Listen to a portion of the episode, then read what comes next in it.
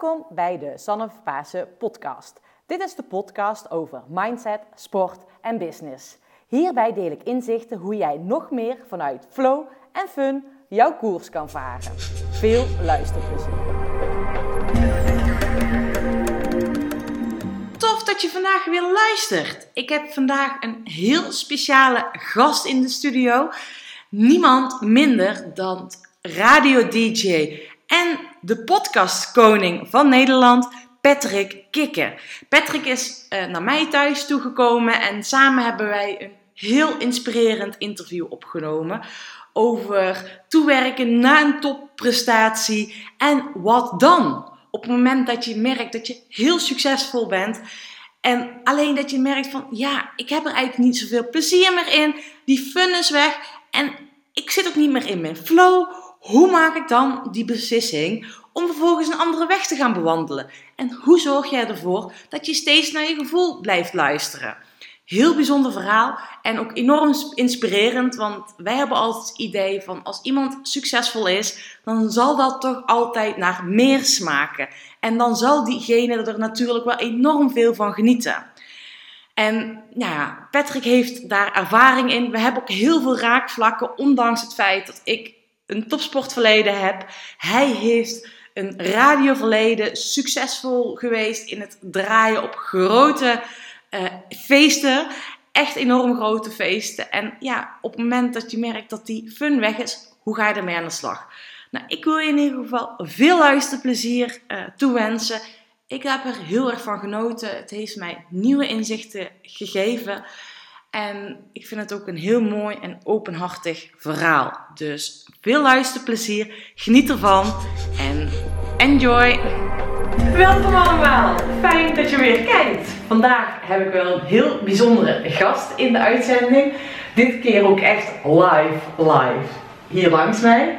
Welkom Patrick. Patrick Kikker, oud radio-dj. Al tien jaar ervaring met de podcast, of misschien wel een van de grondleggers van podcast in Nederland. Tenminste, dat ben jij voor mij een beetje. Maar wellicht kan jij jezelf nog beter introduceren dan dat ik jou kan, Patrick. Wil jij, wie ben jij? Zo, ja, dat is altijd best lastig hè, om over jezelf te praten. Dan kom je met het verhaal van wie ik was eigenlijk. Nou, ik was een jongetje die uh, toen hij 12 jaar oud was, een beetje op zijn Commodore 64 computer zat te programmeren. Mijn broer werkte bij, of die deed hobbymatig iets met radio. Ik denk, ga een keer met hem mee. Uh, wat ik er leuk aan vond, is dan kom je bij de radio en dan eh, bellen meisjes jou op voor een plaat aan te vragen. Dan heb je meteen leuk contact, ook met jongens natuurlijk, gewoon andere mensen. Dus toen dacht ik, ja, laat ik dat ook maar eens gaan doen. Met die meisjes bellen? Met die meisjes bellen en plaatjes en verzoekjes draaien. Dus ik kreeg mijn eigen radioprogramma. En uh, ja, zo is dat eigenlijk mijn werk. Van hobby werk geworden. Maar je bent begonnen bij de regionale radio? Net toevallig hier, we zitten nu in Brabant, uh, over de grens in België. Mm Daar zaten vrije radio's, noemen ze dat. En die, uh, hadden al, die liepen eigenlijk voor op de Nederlandse radio. Die hadden ook reclames. En die hadden uh, horizontale programmering, vaste radio-dj's. Dus daar heb ik het een beetje geleerd. Hier in Valkenswaard, Radio Royaal in Hamond-Achel, hier over de grens. Nou ja, lang verhaal kort, eh, op mijn 21ste bij de landelijke radio terechtgekomen. Dat was wel te gek, bij 3FM, voor de Tros. Vanuit Limburg? Ja, naar, naar Hilversum, ja. ja. Zo, hoe heb je dat voor elkaar gekregen? Ja, ik kan natuurlijk wel doen alsof dat mijn verdienste was, maar ik zie het eigenlijk nog steeds een soort lot uit de loterij. Ik heb gewoon geluk gehad. Eh, en maar wel ook omdat ik een van de eerste was, zo niet de eerste die met een cd'tje solliciteerde. Ah. Dat, mensen stuurden allemaal bandjes in die tijd mm -hmm. en dat was heel duur. Ik heb voor 500 gulden 10 cd's laten maken. Ja, dus ja, dat is natuurlijk best een investering voor een jongen van 20. Mijn vader zei van je bent kierenwiet dat je zoiets doet. Maar ja, toch rondgestuurd en toen reageerde de tros. En toen mocht ik een paar maanden later uh, op de landelijke radio op zaterdagavond een uurtje radio maken. Dus jij ging op dat moment echt je droom achterna, letterlijk en figuurlijk wellicht met jouw verlies, met je, met je koffers, mm -hmm. naar de Randstad om radio te gaan maken. Ja, ja, ja. Eerst nog vanuit Limburg, ik had daar geen kamer of zo. Dus, dus op en neer ja, reizen? steeds, steeds onder, wat was het, zeker 180 kilometer. Maar het was wel een leuke tijd. Je had er natuurlijk alles voor over. Je wilde natuurlijk gewoon dat. Dus maakt niet uit of ik s'nachts moest invallen overdag. De Megatop 50, de Havermout Show. Maakt niet uit welk radioprogramma. Ik, uh, ik zorgde wel dat ik er was. Maar dus al vrij jong. Ik was 21, ik ben nu 43. Dus dat is 22 jaar uh, geleden. De helft van mijn leven geleden, ja. Zo, oh bizar. En hoe lang heb je dat uiteindelijk gedaan, jouw radiocarrière? Um, ik heb tot 2004 voor 3FM gewerkt, ook nog voor de VARA, Rob Stennis, de ochtendshow. Um, in 2004 heb ik even een paar maanden niks gedaan. Toen ben ik bij Veronica terechtgekomen. Mm Daar heb ik 12 jaar lang gewerkt, ochtendshows, middagshows, de hele mikmak. Dus in totaal dan, ja, zeg maar 20 jaar landelijke radio. En nu een paar jaar eigenlijk eventjes dat ze allemaal laten bezinken want je maakt de gekste dingen mee natuurlijk. Je komt met artiesten in contact, je reist overal naartoe. Even in de trein naar Rome om John Travolta, die acteur, te interviewen. Vijf minuten, dan weer terug in de trein. Ja, weet je, allemaal, als je het achteraf bedenkt, gekkigheid allemaal. Maar gekkigheid gewoon qua organisatorisch, hoe ja. je uit dit woord, ja. Maar je hebt natuurlijk ook een stuk creativiteit. Want dus, je bent continu, sta jij ben je aan het, in mijn woorden, aan het pieken. Want iedere keer wil jij shinen op de radio, want je wil leuke dingen laten zien. Ja, dat lukt ook wel. Ik zeg ook steeds, ik heb 40 jaar en 20 jaar gestopt eigenlijk. Feitelijk zou ik nu eigenlijk gewoon met pensioen kunnen gaan. Uh, financieel zou ik misschien, ja, zou ik het, als, ik het rust, als ik rustig zou leven, zou ik het net redden tot mijn pensioen. Ja, dat heb ik gewoon gedaan, wat jij zegt. Je, je moet natuurlijk altijd aanstaan op de actualiteit inspelen, um, scherp zijn, grappig zijn. Maar ik heb het nooit zo ervaren alsof dat allemaal moest. Dat ging toch wel vanzelf een beetje. Maar je staat wel aan. En ja. hoe zorgde jij ervoor dat jij, tenminste als ik het dan, ik vertaal heel veel dingen terug naar de sport. Mhm. Hoe zorgde jij ervoor dat jij op dat moment jouw topprestatie kon leveren? Want iedere moment Kijk, nu staan, zitten wij mhm. hier, maar dan zit je live. Dus er kan niks meer geplakt en geknipt worden. Ja, Het is zoals het is. Klopt. Ja, nee, het, het, is meteen, het wordt uitgezonden, iedereen heeft er een mening over. Hoe zorg je daarvoor? Nou, je kan natuurlijk wel veel voorbereiden. Mhm. ik, ik, had natuurlijk, als ik Lenny Kravitz in de studio had, dan zorgde ik wel dat ik alles van hem wist. Leuke vragen had bedacht. Op een gegeven moment ga je samenwerken met een producer, die helpt jou natuurlijk ook al mhm. mee. Maar ja, goed opletten wat er eigenlijk zich aandient. Er bellen vaak mensen op waar je in eerste instantie van denkt, is dat voor een gek? Maar bijvoorbeeld zo'n jongen die mij steeds belde, dat is een verstandelijk gehandicapte jongen, Ivo. Die heeft een soort vaste rol in mijn radioprogramma's bij Veronica gekregen. Want die jongen die wist heel veel van sport, die was heel grappig. Mensen gingen reageren, hé, hey, wanneer bel je Ivo weer? En had ik bij het eerste gesprek gedacht, wat is dat voor een gek? Die wil ik nooit in mijn uitzending hebben. Nee, openstaan voor wat zich aandient. En dan dienen zich de kansen en mogelijkheden ook gewoon echt aan. En dan word je eigenlijk als het ware door de luisteraars geholpen met je radioprogramma. Oh, super ja. En hoe voelde jij dan dat het een kans was? dat is een goede vraag. Ik denk dat je daar wel een neusje voor krijgt. Dat je denkt, hmm, hier zit iets bijzonders in of mhm. zo. Hier, uh, de, ja, toch uh, je vooroordelen opzij schuiven. Mhm. Met alles. Dus ook bij muziek, met frisse oren naar een plaat luisteren, denk van hé, hey, doet dit iets met mij? Ik kan me bijvoorbeeld herinneren, ik, het is al lang geleden, ik, een van de eerste was die de Spice Girls draaide op de Nederlandse radio. Met dat eerste hitje van ze. Iedereen had zoiets van, oh god, daar heb je weer zo'n beetje. zeg, ja, maar luister nou eens naar dit nummer, dit heeft iets, dat Wannabe. Hè? Dat is een kort nummertje, het begint heel vrolijk. Ja, dan, dan draaide ik dat en je zag meteen een reactie. En ja, het is een soort buikgevoel wat je hebt. Je denkt, dit zou wel eens wat kunnen zijn. Gaaf man, dat is wel ook wel gaaf dat je eigenlijk door je publiek wordt geholpen om uiteindelijk en je, en je eigen vertrouwen in jezelf om de juiste keuze te maken. Maar nu hebben we het net ook even over praktische gehad. Hoe zorgde jij zelf goed voor jezelf? Dat jij als persoon zelf. Ja, dat is niet altijd even goed gelukt. Ik heb ook wel een paar burn-outs achter de rug. Een paar zelf? Ja. Ja, met 3FM-tijd ben ik gewoon doorgegaan. Want ik wist niet eens wat een burn-out was. Ik dacht, ja, kom op zeg. Dit, deze kans laat ik me niet afpakken. Dus achteraf gezien was dat mijn eerste burn-out. En ja, ik, ik, had in die tijd eigenlijk wel iets van een manager kunnen hebben. Die gewoon ook zei, zeg hier nou eens een keer nee op. Want als je van je hobby werk maakt, is alles leuk hè. Je niks voelt als werk. Je zegt overal ja op. Dat zul je ook herkennen in, in de sport. Ik denk, oh, dat pakken we nog even mee, dit pakken we nog even mee. Maar ja, dan, eh, op een gegeven moment, een mens kan maar zoveel aan natuurlijk. Ik zat op een gegeven moment vier nachten in de week, s'nachts live, Zaterdagochtend live, zaterdagmiddag en zondagmiddag. Dus mijn weekend duurde van zondagmiddag 1 uur tot maandagavond 12 uur. Eigenlijk geen weekend dus. Nee. Gewoon, het liep Dus- gewoon door. In uren had je misschien wel een halve dag vrij of zo, maar ja, en daar ben ik ook wel van opgebrand. Dus ja, ik, ik, ehm, ik, ik, ik, ik heb niet zo goed voor mezelf gezorgd. In die tijd in ieder geval, Ja. de 3FM tijd. En nu dan? Ja, nu vind ik wel, want ik, doe, ik, ik zeg niet meer overal ja op. Maar dat komt ook omdat je, je wordt ouder, je wordt wijzer, je hebt je, hebt je financiële reserves. Bijvoorbeeld deze interviews doen, hè, want we hebben net natuurlijk ook gesprekken opgenomen voor mijn podcast Leven zonder stress. Ja, dat, kost, dat levert geen geld op, maar het kost ook geen moeite. Het is, het is leuk, het, het komt van binnenuit. En dat was bij mij bij de radio op het laatst, het kwam niet meer van binnenuit. Nee. Het werd een moedje. Ja. Dus je bent echt je fun gaan volgen. Letterlijk, ja. Wat levert me nou echt plezier op?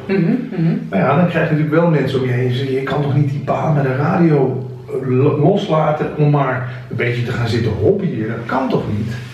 Maar ja, dit is inmiddels ook al geen hobby meer. Ik bedoel, het, het, ehm, ja, ik zie wel hoeveel mensen het bereikt en hoeveel mensen er ook echt iets aan hebben.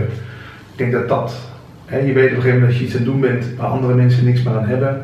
Of niet zoveel meer aan hebben. Ja, Wat voel je zelf waarschijnlijk Ja. ook dat jouw plezier eruit wegneemt? Ja. ja. En jij zegt net hè, dat, dat je wel weerstand uit je omgeving hebt gevoeld, dat je je baan opzegde, hè, die vaste baan, die vastigheid. Hoe ben je met die weerstand omgegaan vanuit je omgeving? Ja, gewoon zeggen, vertrouw nou maar erop dat het goed komt. Hè? Ik had gelukkig mijn moeder die altijd zei, jij doet altijd wel, jij weet wel wat je doet. Dat zei mijn moeder altijd. Je moeder die stond, Die staat achter me. Ja. Mijn vader is een iets ander verhaal. Die, eh, die, die, die heeft nog wel eens de uitspraak gebezigd. Ja, maar jij weet toch al dat jouw hele leven niet loopt zoals het zou moeten lopen. Dus, eh, weet je, totaal tegenovergestelde. oh, ik voel dat het bij mij wel wat doet. Ja, nou- maar wat heeft het bij jou Ja, gedaan? Want dat is best wel een is- uitspraak. Ja, maar dan denk ik, ik heb dan wel geleerd vanuit alles waar ik me ook in verdiept heb, want heel veel van die boeken die hier liggen, die jij hebt, die ken ik ook. Wat hij zegt gaat natuurlijk eigenlijk over hemzelf. Hij vindt dat zijn leven niet zo verlopen is als het had moeten lopen. Dus dan kan hij het even over mij zeggen, dan is hij even die zelfbeschuldiging kwijt. Dus natuurlijk is het niet leuk om het van je vader te horen, maar ik ben er inmiddels wel achter dat hè, als, als je met één vinger iemand wijst, hè, je kent de uitdrukking, Ja, vijf zijn Ja. wijzen er vier naar jezelf. Ja. Ja. Dus dan kan ik het hem wel weer vergeven. Maar ja, eh, ik heb op een gegeven moment ook wel geleerd om, om dan maar eh, ja, rare blikken maar even te verdragen. Dan van sommige mensen zeggen, wat doet hij nou weer? Ik heb bijvoorbeeld ook een jaar geleden met de Tweede Kamerverkiezingen meegedaan. Stond ik op de, op, op de lijst van de ondernemerspartij. Ja, toch leuk. Je hebt een keer meegedaan aan de Tweede Kamerverkiezingen. En dan zeggen mensen, ja, maar je wist toch dat dat niet ging lukken? Ja, maar is toch leuk? Dan was misschien wel je doel niet. Het was, Nee, het was gewoon eens proberen, eens Ja. proeven, dus een beetje Ja. stunten zelfs. Ja. Dus nee, ik, ja, ik krijg mijn hele leven wel al soms vreemde blikken. En dan denk ik, ja, maar eh, het heeft zoveel opgeleverd. Daar heb je helemaal gelijk, maar ben je daar altijd zo mee omgegaan? Want hè, je bent nu 43, je bent, we hebben iets een leeftijdsverschil tussen ons. Ik merk dat ik er zelf nog af en toe mee worstel. Ik kan me voorstellen dat het bij jou ook wel ooit zo is geweest. Of heb je van het begin af aan, toen je zeg maar echt je letterlijk en figuurlijk losmaakte van Limburg, ik doe het lekker op mijn. Dat heeft wel geholpen. Je woont natuurlijk nog in, in het dorp waar je bent opgegroeid. Ja. Hè? Dus je komt natuurlijk ook nog steeds mensen. Kijk, als je je omringt met mensen die ook zo in het leven staan, die gewoon zeggen: hup, weg met dit, nu dit. Mhm. Ja, die begrijp je dan wel beter dan de mensen die al 20, 25 jaar lang op dezelfde plek wonen, in dezelfde mindset. Mhm. Eh, nooit, je krijgt als eerste natuurlijk commentaar van mensen die dat nooit zouden durven, Ja. hun vaste baan opzeggen. Ja. Mensen die dat nooit zouden durven, gewoon spontaan in het vliegtuig stappen en niet weten waar je uitkomt, die hebben daar als eerste commentaar op. ja, want zij durven dat Nee, niet. zij vinden het bijna bedreigend dat jij dat wel durft. Of eng. En heb jij jezelf dan bewust met die mensen omringd? Of zijn die dan toevallig op jouw pad gekomen? Ja, het is eerder denk ik afstrepen van, nou ja, jij kost me alleen maar energie, je hebt alleen maar commentaar op mij. Eh, Mhm. We hadden het in ons gesprek ook net erover dat jij het ook herkent dat sommige mensen zich te vriend houden met je. Dat ze denken van, ik zou nog eens wat aan kunnen hebben. Ja. Hoe vaak ik niet de vraag kreeg toen ik nog bij de radio werkte van, kun jij een concertkaartjes van Justin Timberlake komen? Of eh, kan jij, eh, jij kan, ja, het is uitverkocht, maar jij kan toch nog wel wat regelen voor me? Ja, dat, dat, eh, daar zit je dan gewoon een streep doorheen. En, en vaak vallen die mensen ook als je twee keer niet meer op een appje reageert, vallen die vanzelf al, Mhm. al af. Mhm, mhm. En ja, ik merk wel dat dit, dit soort interviews doen, is ook al jezelf omringen met inspirerende Ja. mensen. Want je- iemand die een podcast start, die heeft al iets van een soort drive. Van ik wil mensen bereiken. Ja, Dan weet je al bijna dat het niet meer mis kan gaan. nee. Ja, daar heb je helemaal gelijk in. Dat is wel een mooie manier om inderdaad die mensen tegen te komen. Ja. En als we even terugkijken, want je zegt net, hè, je hebt eigenlijk meerdere keren een burn-out gehad. Ehm, en de eerste keer had je- zelf niet in de gaten. Maar hoe ben je die volgende keer, hoe vaak is dat geweest? Ja, twee, één echt, echt in 2011. Mhm. En die laatste kunnen we ook wel typeren als een bore-out. Ik weet niet of je daar ooit van gehoord hebt. Ja, dat heet er helemaal klaar mee bent. Ja, bore-out. Het, het Ja. gewoon, het werk verveelt je zo. Je niet weer, het moet niet weer hetzelfde doen. Kijk, eh, simpele anekdote. Ik had een keer een discussie met mijn baas over er moest een Luxaflex in de studio komen, het studioraam. Ik zeg van ik heb last van die mensen die langslopen daar. Hij zegt onzin, gaan we niet doen. Sprak ik daar met een coach over en die zei tegen mij, ze zei, je hebt geen last van die mensen die daar langslopen. Nee, je hebt het last van die baas. Ja, en je wil daar gewoon niet meer zijn. Je wil daar op die plek gewoon niet meer zijn. Daarom grijp jij alles aan om jou heen. Dat leidt me af, het licht is niet goed, daar, dit doet me niks. Maar vroeger had je daar toch ook geen last van. Dan kon je zelfs op één been kon je radio maken. Met één platenspeler of één cd-speler. En nu heeft meneer ineens last van de Luxaflex die er niet Ja. hangt. Het is gewoon een teken dat je tijd daarop zit. En toen Ja. dacht ik, ja, bedankt voor deze wake-up call. Ja. Want het heeft voorkomen. dat ik, dat ik te lang ben doorgegaan. Ja. Want dan Mhm. had ik, eh, ja, dan had ik wel verder in put geraakt. Denk ik. Ja. Daar kun je echt depri van worden. Ja, ja, tuurlijk. Als jij iets tegen je zin aan het doen bent en wat jij ook omschrijft, je, je zat niet meer in jouw, in jouw flow, Oh. in jouw, en op een gegeven moment werd het echt gewoon werken. En als je heel hard aan het werken bent, zit je in een bepaalde verkramping en dan gaat het niet zijn. En dan ben je vermoeid. Dat en een luisteraar, zeker met radio, merken dat meteen aan jou. Dat jij Ja. als een soort moedje, als een soort invuloefening, zit je op de helft op je klok te kijken. Ja, dat, dat kan natuurlijk niet. Het is Nee. ook niet eerlijk. Die passie is natuurlijk zo belangrijk. En welke keuze heb je toen gemaakt toen je bij, tijdens die bore-out? Ja, toch maar eh, met, met, eh, met eh, mensen over gaan praten. En hebben maar regeling getroffen. Oh ja, wat is non-dualiteit? Ja, het heeft heel veel raakvlakken met mindfulness. Mhm. Daar heb je ook wel eens gesprekken over gevoerd. Eh, ik weet niet of de naam Eckhart Tolle jou Ja, wat zegt, ja. kracht van het nu. Ja, het boek heb ik hier ook. Ja, dat is natuurlijk, het gaat allemaal om wat is er nu aan de hand. Mhm. We zijn zo vaak bezig met wat was er toen aan de hand, of wat gaat er nog komen. En non-dualiteit verwijst eigenlijk ook naar gewoon dat, dat dit het enige is wat er echt feitelijk is. De rest bestaat niet meer of bestaat nog niet. Dus wat zou in godsnaam nou voor zin hebben om je daar druk over te maken? Waarom zou ik nu nog een week lang moeten piekeren en denken van, had ik dat bij die radio toch niet anders moeten aanpakken? Nee, het is niet zo. Het is zoals het nu is. Dus werk daar gewoon mee. Werk met wat zich nu hier en nu aandient. En ja, de term non-dualiteit komt eigenlijk van, eh, als je het vertaalt, geen tweeheid. Het lijkt nu alsof je twee mensen met elkaar zitten te spreken. Dat is in het verhaal ook zo. Hè. Jij bent jij en ik ben ik. Alleen het verschijnt nu als één ding. Als, als een soort van droom of schilderij, of hoe je het wil noemen. En zonder te zweverig te worden. Wat dat voor rust geeft, is dat ik nu dus ook niet per se iets hier aan toe hoef te voegen. Weet je eh, er moet hier nog iemand bij zijn. Of we hadden hier een koud buffet moeten hebben. Of eh, het is toch een beetje koud. Of we hadden beter licht. Eh, dat is wat het denken zegt. Het denken wil van alles aan dit plaatje toevoegen. Maar als ik gewoon ervan uitga, ah, dit is wat er nu verschijnt. En het is meer dan zat. We hebben genoeg hier nu. Dan, dan, ja, dan dat maakt me wel een soort van tevreden en gelukkig. Dat ik hier niet nog aan moet gaan sleutelen voordat ik het ideale gesprek met jou heb. Of het ideale kamertje. Of het ideale interview. Dat, dat is voor het hoofd. Het hoofd denkt alleen maar in, in, in, in dingen nog beter kunnen krijgen. En ja, ik, ik, ik heb daar wel heel veel rust in gevonden. Ik ben natuurlijk ook een perfectionist van huis uit. Ik denk ook altijd van ja shit, had ik nou als ik dit dan terugzie, denk ik, ja, had ik nou toch niet, niet iets schever of rechter moeten gaan zitten? Of, ja, het is wat het is. Mhm, mhm. Je bent wie je bent. Ja.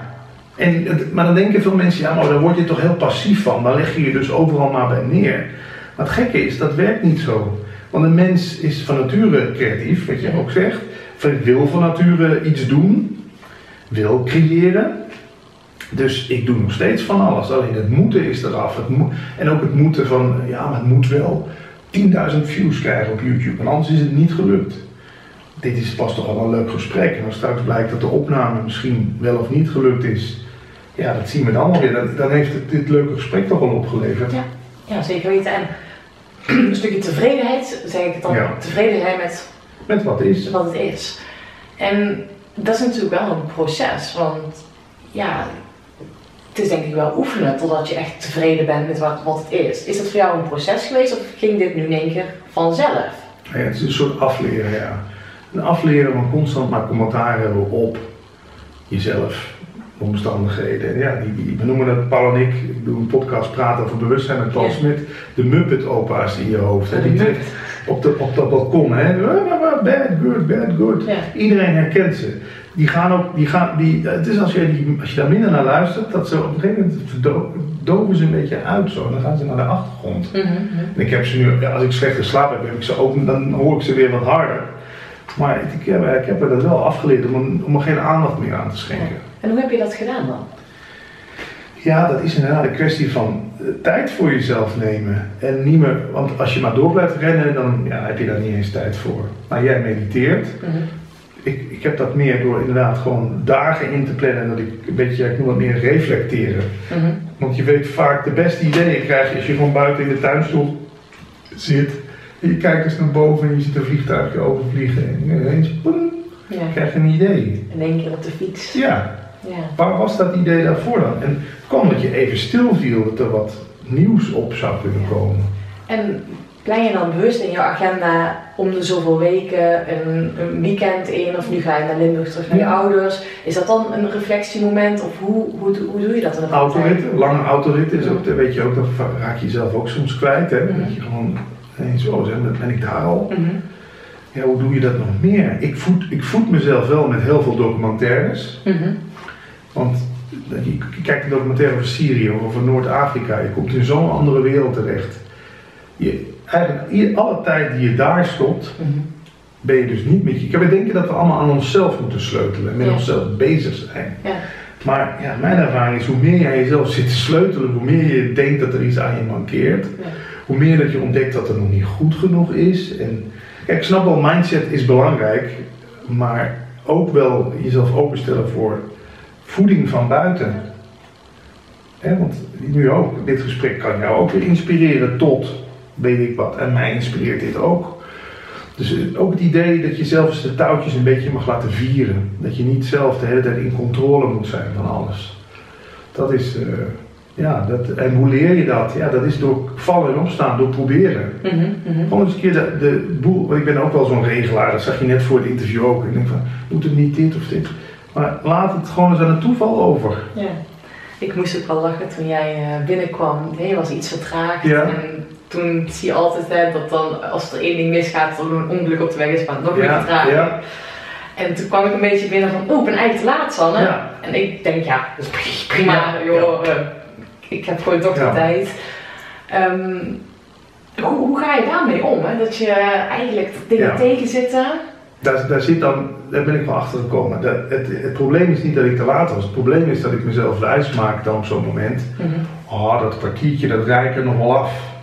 Oh, je gaat, Ja. je gaat een wedstrijdje met jezelf spelen. Nou ja, inderdaad. De- de- Het is, is weer dat oude mechanisme wat denkt van, eh, wat, file, dat zullen we nog wel eens zien. Hup, eraf. En binnen doorwegen, je hele auto onder de modder. En dan alsnog kom je dan daardoor nog tien minuten later aan dan. Dus ja, ik, maar ook daarin kan ik dan wel weer om mezelf lachen. Denk, oh god, daar gaan we weer, weet je wel. Ja, ja, ja, ja. Ik, vroeger was ik dan misschien nog wel boos geweest op mezelf. Ik denk, ja, was nou gewoon in je file gaan staan, dan was je nog wel op tijd geweest. En nu denk ik, ja, het is blijkbaar wat ze nu even wil uitspelen weer, dat, dat Ja. oude patroontje. Ja, en soms trap je erin. Ja, voor die weet, Ja. dus het is alert blijven. Ja, Maar ook dit- bij dit denk ik, ja, het is onschuldig, weet je. Ja. Het is niet dat ik nu naar een casino rij en dan denk ik, ik moet dan zal vandaag 5000 euro winnen. Ja, die mechanisme heb je ook. ja, ja, ja. ja. Dus ik, ik, ik ben, ben blij dat het nog onschuldige dingen zijn. Maar je, volgens mij leer je de- je streken toch als vos uit je jeugd. Nou, kijk, ik was op de lagere school vaak de beste van de klas. ja. Dus wat heb ik geleerd op school? Als jij ergens de beste in bent, dan wordt er van je gehouden. En dat, dra- dat draag ik natuurlijk als een blueprint mijn hele leven met, met me mee. Mhm, mhm. Ik wil wat radio ook, wilde ik vaak de beste zijn met de beste luistercijfers, de meeste luisteraars. Drive-in shows wilde ik de meeste mensen in de feesten en iedereen moest daar springen. Als er eentje niet sprong, hè, dan was het bij wijze van spreken de Ja. avond mislukt. Ja. Ja, dat, dat, als je dat in je jeugd zo hebt aangeleerd, is het verdomd lastig om daar niet, helemaal van af te Ja, komen. om daar- daarvan af te komen, dat, hè, dan komt hij af en toe om de hoek kijken. Ja. Maar ik kan me ook voorstellen, je hebt dus op die grote podia's gestaan en eh, nou, ik zie dan zo iemand op met wiki. Ja, en dan toe toe. Ja. Nou ja, ik zit helemaal voor me. Maar is dat niet afkicken geweest op het moment dat je zegt van, nou ja, dat, je bent daarmee gestopt met die grote Mhm. optredens. Laten we eerst beginnen van waarom ben je daarmee gestopt? Want dat lijkt me echt een kick geven dat je daar staat te draaien en Ja. die zaal. Ja, dat is ook cool. Is ook cool. Ja, en waarom ben ik ermee gestopt? Ik kreeg ook last van mijn oren. Ik heb de hele dag zo'n pieptoon in mijn oor. Nog steeds? Ja, tinnitus. Nu hoor ik hem ook. Ja, het schijnt een beetje bij het vak te horen. Dat was een mindere. Hè. Maar gelukkig met zo'n tinnitus, als er mensen zitten te kijken of te luisteren, als je er niet op let, is die pieptonen niet. Gewoon niet te veel mee bezig zijn. Mhm. Maar het, eh, over dat draaien, ja, waarom ben je daarmee gestopt? Ik kon het gewoon niet meer. Ik stond op een podium en ik draaide een nummer waarbij alle handjes de lucht in gingen. En ik dacht, oh nee, dan gaan ze weer. En dat klinkt misschien heel arrogant, maar als daar geen uitdaging meer voor je in zit, als je weet dat je zo hoeft te doen, hè. Mhm. Ik noem wat, je hoeft maar zo te doen en je hebt 10.000 euro verdiend. Volgens mij is dat dan ook na drie keer de lol vanaf. Ja. Ik denk, nou, nu wil ik eens een keer weer moeite doen Ja. voor iets. Maar dus je stond gewoon in één keer op en je dacht van, oké, ik doe Ja. dit en Ja. eigenlijk de saai, dus ik stop ermee. Saai, ja. ja ik, dus ik ben, ja, nou, eerst krijg je dus dat je wel ja gaat zeggen. Dan ga je een week van tevoren al nadenken, hoe kom ik hier onderuit? Ik ben zelfs een keer letterlijk, ja, ik hoop dat die eigenaar niet, eh, tot voor een discotheek gereden. Ik denk, het gaat niet. Het kan niet vandaag. Teruggereden en gezegd, ja, lekker band, sorry, ik kan niet komen. Ja, toen wist ik van, ja, je moet nu gewoon nergens meer ja op gaan zeggen, want je, je ziet jezelf en anderen voor de gek te houden. Ja, ja. Zo, dat is heftig. Tenminste, het is best wel Ja, een ja. tweestrijd geweest. Ja, maar op een gegeven moment, als je die- altijd die knoop in je buik hebt, als je weer moet, Mhm. dan denk je, ja, nee, dat is ook gewoon niet eerlijk naar het publiek toe. Nee. En dan kan je wel zeggen, je naam staat weer op een poster en je krijgt weer een leuk bedragje. Maar... En dan denk ik ook, er komen zoveel andere discjockeys bij, laat hun dat doen. Ja. Zij kunnen dat toch ook net zo goed. Dan moet je echt je ego uitschakelen en denken van, het gaat hier niet om de ijdelheid van ik moet het doen. Nee, dan doet iemand anders het net zo goed. Dus je hebt in principe je ego uitgeschakeld, uiteindelijk de kans gegeven aan die andere toppers. Ja. Maar het is een stukje aanzien, hè? want daar worden wij ook heel veel op beoordeeld. Dat merk ik zelf ook. Van, Status. hè, die status. En ook al aan wat is status? Nou ja, hè, mensen die vinden het gewoon gaaf om te zien van je hebt volle zalen getrokken. Hoe ben je daarmee omgegaan? Je stond eigenlijk zeg maar, op een voetstuk. En hoe dan ook als je bepaalde keuzes maakt.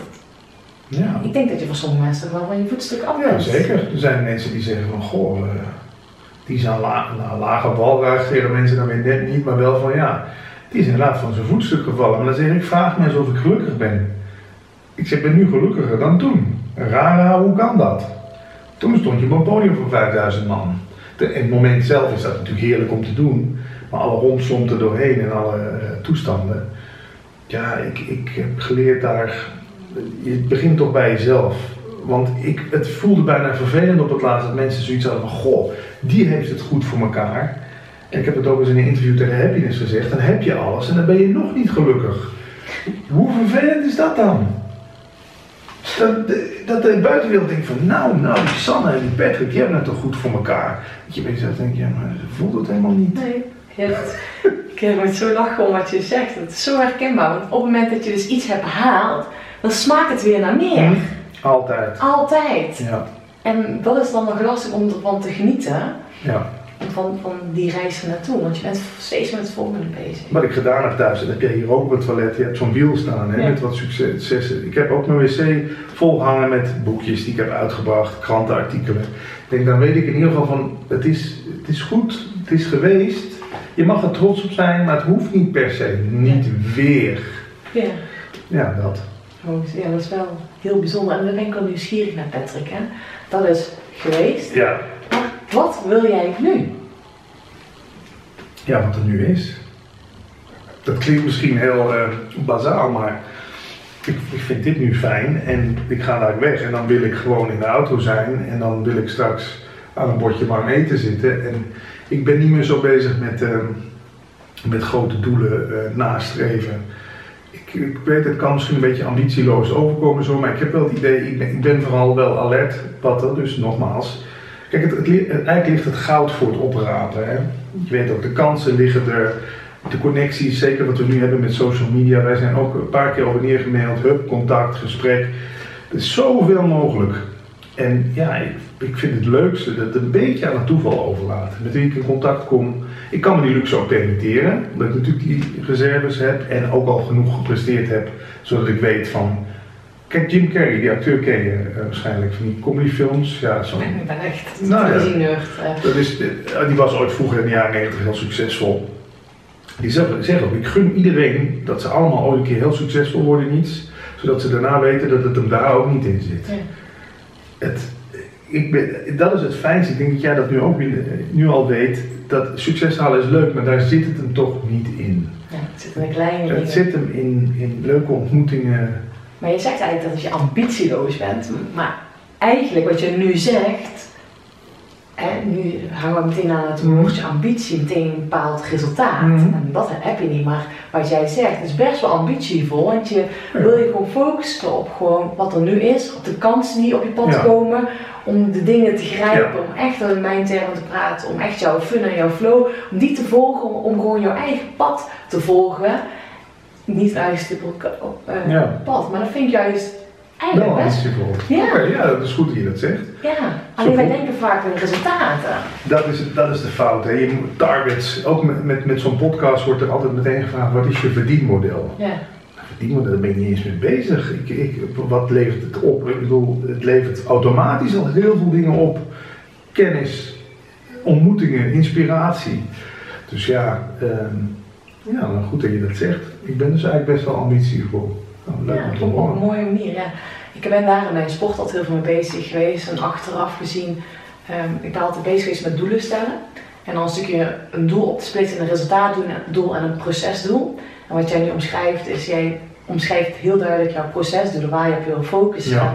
En dat is zo gaaf als je dat helder hebt, want dan kan je echt zijn wie je bent. Ja. Dat is gewoon gaaf. Wij zeiden net al even over je podcast, hè? Dat je, of die model. Maar ik ben even nieuwsgierig, hoeveel podcasts heb je op dit moment opgenomen? Ja, het zijn er veel. Het was zeker al een paar honderd. Um, dat doe ik natuurlijk ook al tien jaar. En het heeft een beetje een soort shift doorgemaakt. Eerst focuste ik me op hele grappige dingen. Toen, toen op een tweegesprek met Paul Smit. En toen ben ik die interviews gaan doen. En ja, dat is, ik weet niet, het, het lijkt wel, het is heel magisch als je die interviews doet. Net als jij bij het sporten ik ga uit de weg hè, en het interview komt tot stand. Net als bij jou met zo'n sportwedstrijd, jij gaat uit de weg en dan komt de prestatie tot stand. En daarom vind ik dat interview denk ik ook zo leuk. Ik los een soort van op. Ik, word, ik, ik zit daar niet meer als Patrick de interviewer, nee, ik, word een soort ja, instrument, weet ik hoe ik het moet noemen gesprekspartner. Ik ga op in het gesprek. En, en de energie. Ja, de vibe. En voor die twee ben je een uur verder. Dat was met dat draaien trouwens ook zo op het podium. Als, je, als het ijs eenmaal gebroken is met je publiek, ja. dan is het net alsof er een soort hand uit het publiek komt wat zegt: Dit wordt de volgende plaat, dit wordt de volgende. Dan wordt het ja, ook weer die symbiose waar we het er straks over hadden. Daar verwijst non-dualiteit ook naar. Get out of the way. Bemoei je er gewoon eens even niet mee. En stop met piekeren? Dan, dan stopt het piekeren eigenlijk. Want het denken, vaak wordt het denken tot vijand gebombardeerd. Maar denken is ons natuurlijk best wel dienstbaar. Mhm. wij, als wij willen, als ik wil, kan ik inderdaad een heel probleem van iets gaan maken. Ja. Het feit dat ik kaal word of iets te dik ben of zo, daar kan ik een probleem van maken. En dan gaat het denken mij helpen. Die gaat mij honderden redenen geven waarom het inderdaad een probleem is. Maar als ik dan aan het begin stop of niet begin aan ergens een probleem van te maken, dan is het piekeren ook, dan is in mijn geval het piekeren ook een stuk minder. En de stress. En de, en de bijbehorende verkramping, ja. En de spanning die het oproept. Bah. Ik heb pas iets gehoord, en ben ik heel erg nieuwsgierig hoe jij naar kijkt, Patrick. Over denken naar het stukje van op het moment dat jij dus voeding neemt en dat je denkt, ik word hier dik van, dat je er dik van Ja, dat geloof ik ook wel in, ja. Dat je echt gewoon met je mindset en dat je lichaam ook die, ja. Je geeft de boodschap mee, hè? Ja. ja. Dit is slecht voor me. Ja. En als je aangeeft, dit is goed voor me, dat het... Uh, ja. Ze hebben die experimenten ook met dat water en zo, hè. Dat ze, Met lief tegenaan. Ja, lief tegen praten, kwaad tegen praten, ja. Misschien werkt het wel zo. Ik kan het wellicht eens proberen. Zou je het eens willen proberen? Ja, graag. Ja. Geef me een stuk chocola. ja, maar dan hebben hebben jullie bij de hand. Nee. Geef een stuk chocola en... eh, nee, maar dan denk ik dat met heel veel de intentie, dat het heel erg belangrijk is. Welke intentie geef je mee Ja. aan een handeling of aan... ehm, ik heb ook altijd met een boodschap of een wordt een moeilijk gesprek. Welke intentie geef jij daar aan? Maar ga jij ook daar bewust om met intenties aan handelingen in jouw leven? ehm, hoe jij in het leven wilt staan? Ja, ik moet denken aan een voorbeeld als je naar een feestje toe gaat. hè. Je hebt, twee typen mensen. Je hebt de mensen die er naartoe gaan en nou, ik ben eens benieuwd of het hier wat wordt.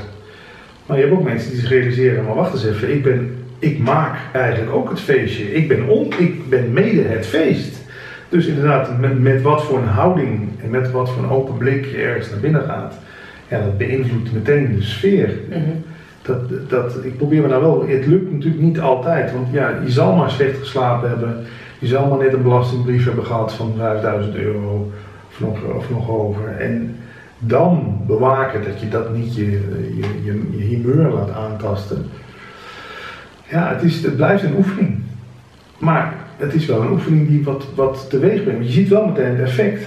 Ik vind het zo mooi, mijn vriendin heeft drie katten. En ik noem dat een soort zenmasters. Die komen ook soms gewoon, die laten zich soms de hele dag niet zien, zijn ze boven.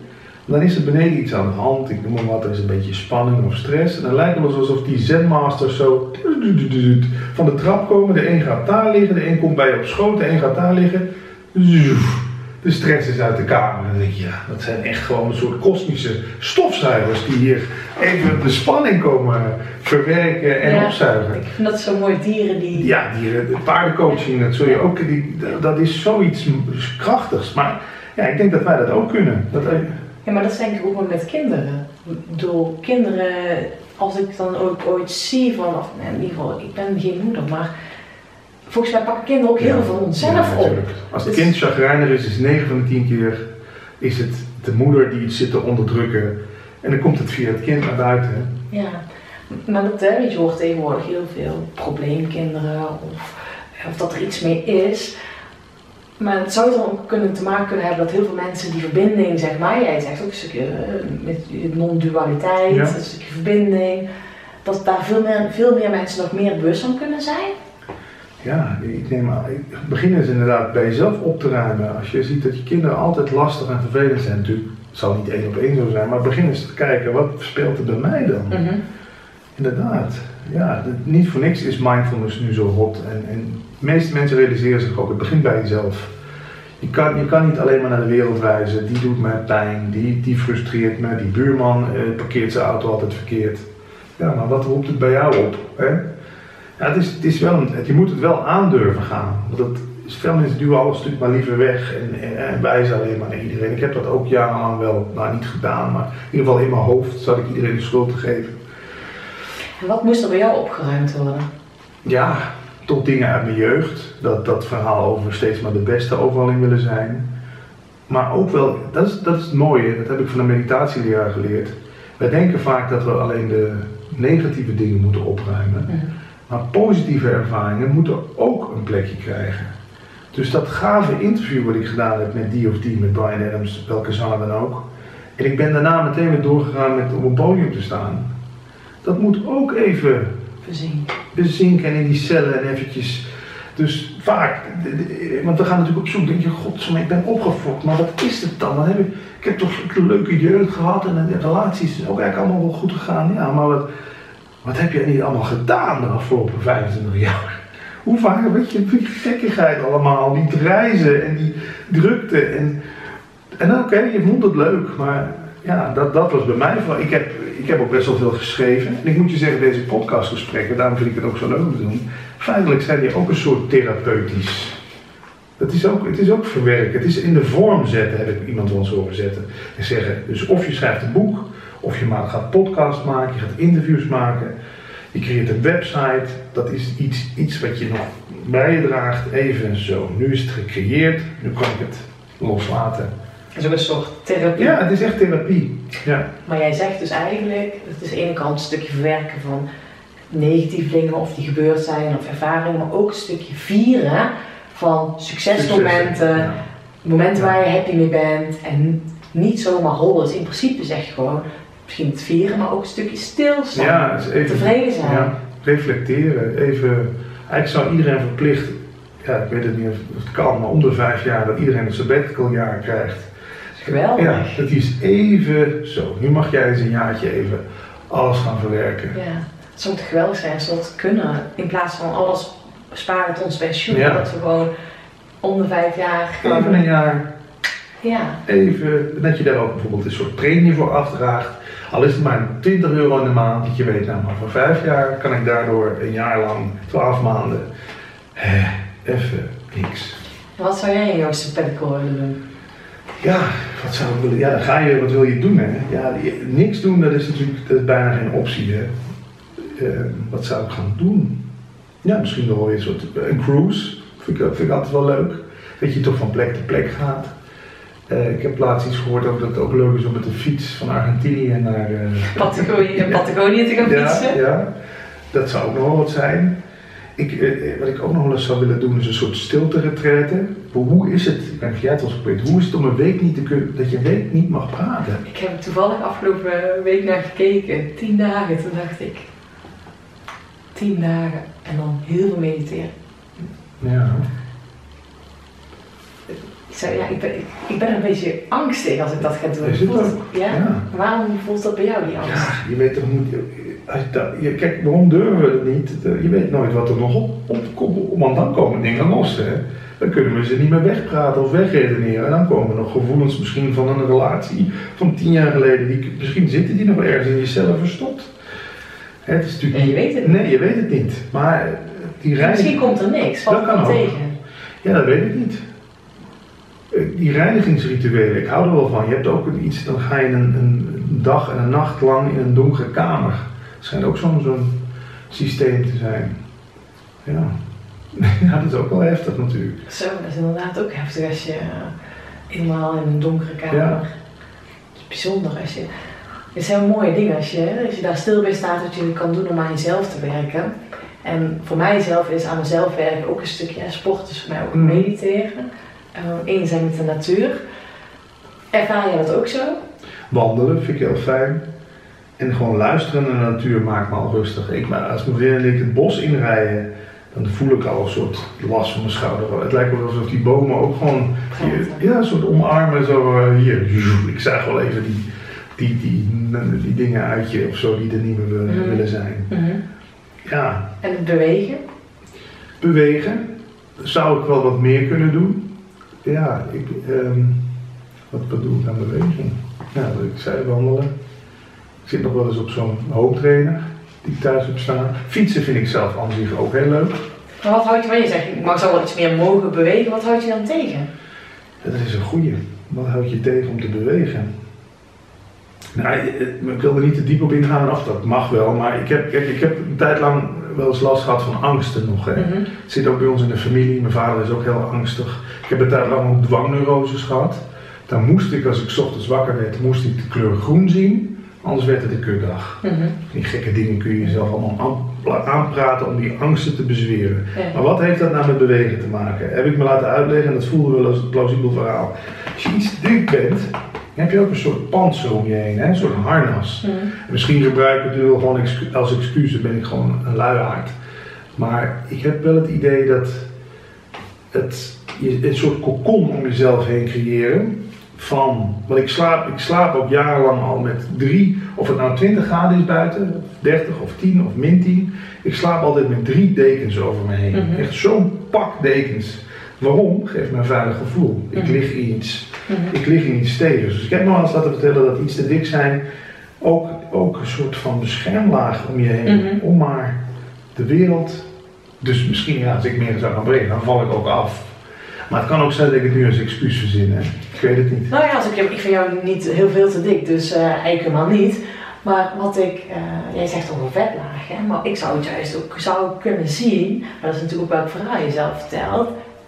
Ik voel het zelf alleen dan nog ooit Spieren, ja, Ja, ja. En dan voel ik me echt, weet je als er dan iets is, dan kan ik mijn buik Ja, echt spannen en ben ik echt een torzo, weet je dat wel.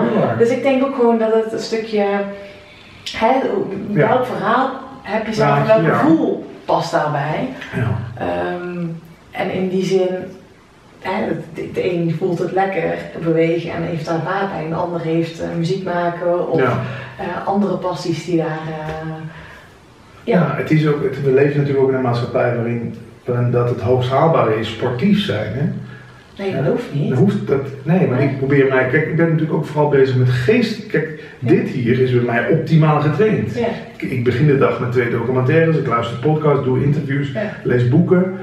Ik bedoel, dit is ten opzichte van vijf jaar geleden is echt wel een stuk fitter. Ja. Dus mentale fitness is bij mij op en top. Ja. Misschien is dan de volgende stap inderdaad wel, eh, als je hier een keer klaar mee bent, dat je denkt, nou, nu heb ik, je moet er ook echt zin in hebben natuurlijk. Ja, ja. Maar dat is voor iedereen prima, hè? want dat is wel eh, ehm, het belangrijkste. Althans denk ik ook dat je datgene gaat doen wat bij jou prettig voelt. En dat is ook wat ik in mijn coaching had gebruikt. hè. Je moet je eigen pad bewandelen, wat bij jou past. En voor mij is dat, weet je, als ik niet sport, dan... eh, maar dat zal waarschijnlijk bij jou zijn. Als de muziek uit jouw Ja. leven verbannen wordt, dan... Het gekke is, ik zit hier met een heel sportief iemand en dan ga je toch bijna denken van, oh, die zal wel een, die zal wel een beetje, het gekke is wat je jezelf aanpraat, die zal wel een beetje op mij neerkijken dat ik, dat ik niet zo sportief ben. Nee, Alsof ja. het bijna een soort religie is, sportief zijn. Nee. Weet je wat ik het belangrijkste vind? Is dat iemand is wie die is. Hmm. En dat je bent wie je bent. En dat geldt voor iedereen, weet je. Ja. Dat, dat je gewoon jezelf bent. En gewoon je eigen pad bewandelt. En eh, het belangrijkste happy is met wat je doet. En dat vind ik heel gaaf van jouw verhaal. Dus dat je, Ja, ik ben dat gewoon gaan doen inderdaad. Wat, wat maakt je blij? ja. Wat ben je ook echt? Op de radio was ik toch altijd een beetje een soort typetje. Er waren ook altijd mensen die tegen mij zeiden, hé hey, praat eens zoals je op de radio praat. En eigenlijk, ja, eigenlijk klopt dat niet. Nee. Want op de radio moet je ook gewoon jezelf kunnen zijn. Dat kan ik nu ook in die podcast, in wat ik nu bij Omroep Gelderland ga doen. Daar kan ik gewoon veel meer mezelf inleggen. Ik was op de radio een soort karaktertje geworden. Ha, ha, Weet je wel, ja. Zo heb ik het ook geleerd. De meeste discjockeys uit mijn generatie, Edwin Evers, Ja. Jeroen van Inkel, waren ook allemaal van die, van die kwebeldoosjes. Doosjes. Ja, en op een gegeven moment valt dat gewoon van je af. Denk ik, kom op, nu wil ik gewoon eens even lekker mezelf altijd en overal kunnen zijn. Ja, maar wat me nog opvalt, Patrick, aan jou is, hè, ik, eh, ik zit ook heel veel op LinkedIn en ik eh, zie altijd leuke berichten van jou voorbij komen. En jij zegt nu kwebbelkont.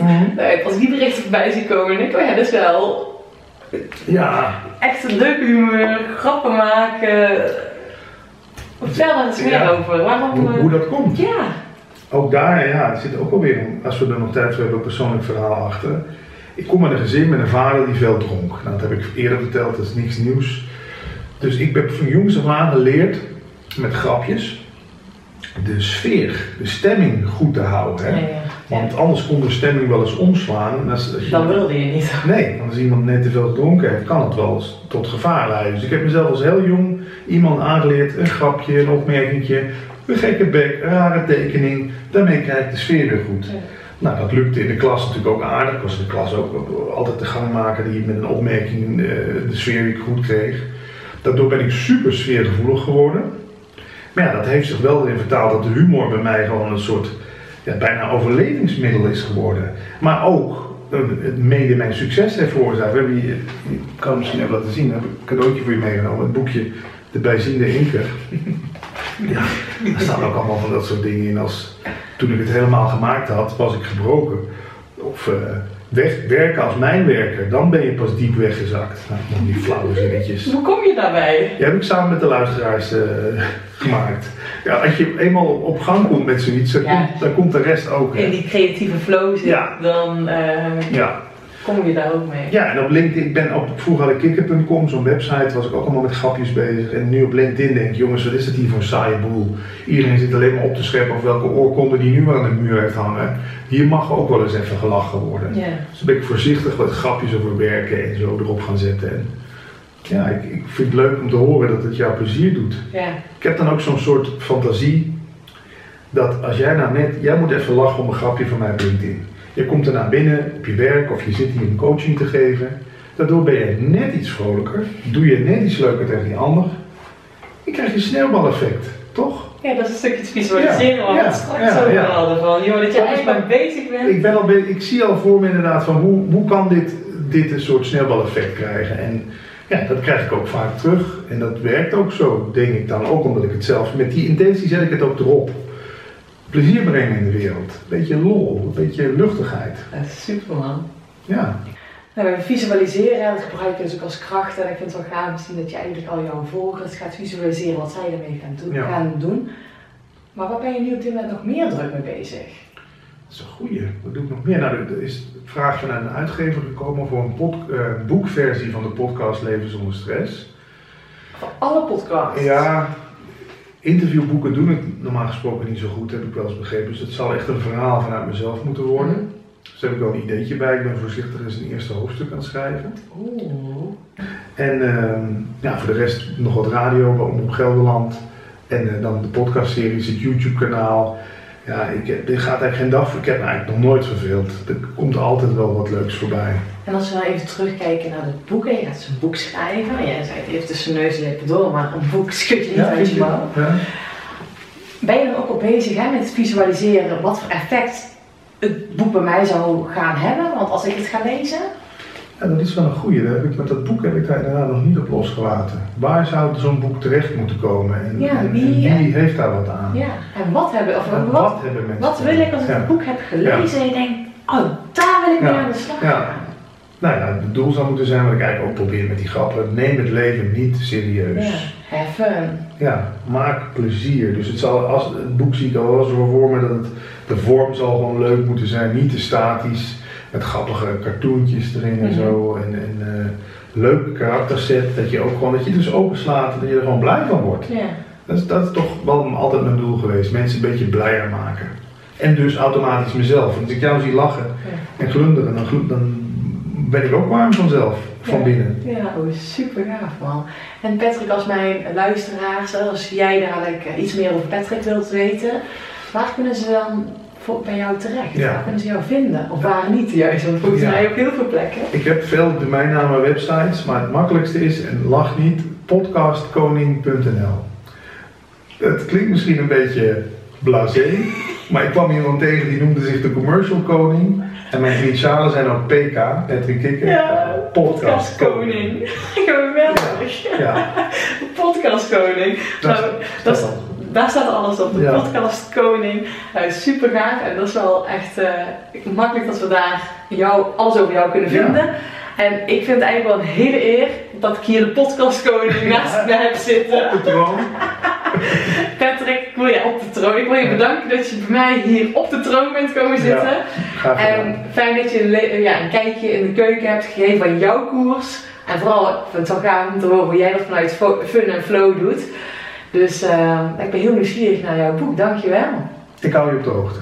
Nou, Wauw, zo gaaf om te zien dat Patrick en ik volgens mij nog wel uren door hadden kunnen kletsen. En zo, ja, ik vond het echt tof dat we, ondanks dat we een andere passie hebben, zoveel raakvlakken hebben.